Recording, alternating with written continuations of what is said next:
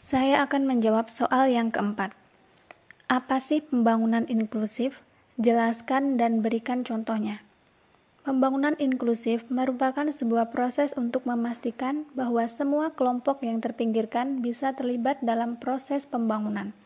Pembangunan inklusif juga salah satu bentuk pembangunan yang dapat memberikan manfaat bagi masyarakat secara umum tanpa membeda-bedakan strata sosial, sehingga pembangunan ini dapat dinikmati oleh semua orang. Pembangunan inklusif mengurangi tingkat kemiskinan hanya bisa terwujud jika semua pihak berkontribusi untuk menciptakan peluang yang setara berbagai manfaat pembangunan dan memberikan ruang partisipasi seluas-luasnya dalam pengambilan keputusan. Seluruhnya didasarkan pada penghormatan atas nilai dan prinsip-prinsip hak asasi manusia, partisipatif, non-diskriminatif, dan akuntabel. Contoh pembangunan inklusif yaitu rumah, rumah sakit, tempat ibadah, bandara, terminal, stasiun, pelabuhan, halte, bendungan, pasar tradisional, jalan raya, dan sekolah. Apa saja indikator pembangunan inklusif? Sebut dan jelaskan. Delapan indikator pembangunan ekonomi inklusif. Yang pertama, pendapatan atau kemiskinan dan ketimpangan. Kemiskinan Pengentasan kemiskinan merupakan syarat cukup pembangunan ekonomi yang inklusif. Selain itu, pertumbuhan ekonomi yang disertai angka kemiskinan yang tinggi membuat pertumbuhan itu sendiri tidak berkelanjutan. Ketimpangan karena pembangunan ekonomi inklusif harus memastikan adanya pemerataan ekonomi ke seluruh lapisan masyarakat. Ketimpangan dari sisi pendapatan, gender, maupun wilayah harus dihapuskan. Yang kedua, pertumbuhan ekonomi dan kesempatan kerja.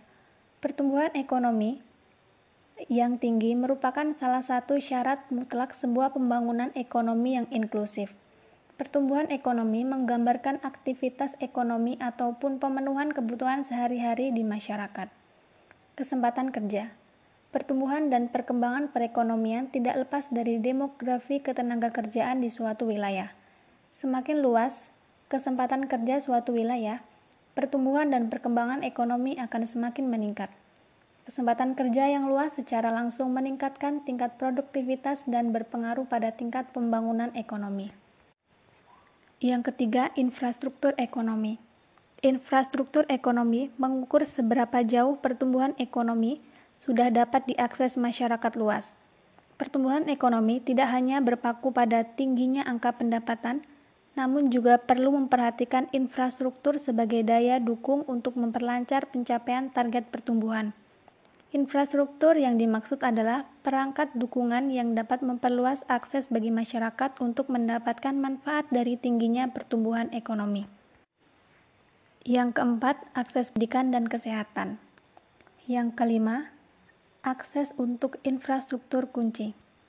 Akses terhadap infrastruktur yang lebih luas menunjukkan sebuah pembangunan yang sudah lebih merata, juga memudahkan kelompok masyarakat yang relatif tertinggal untuk mengejar laju pertumbuhan ekonomi.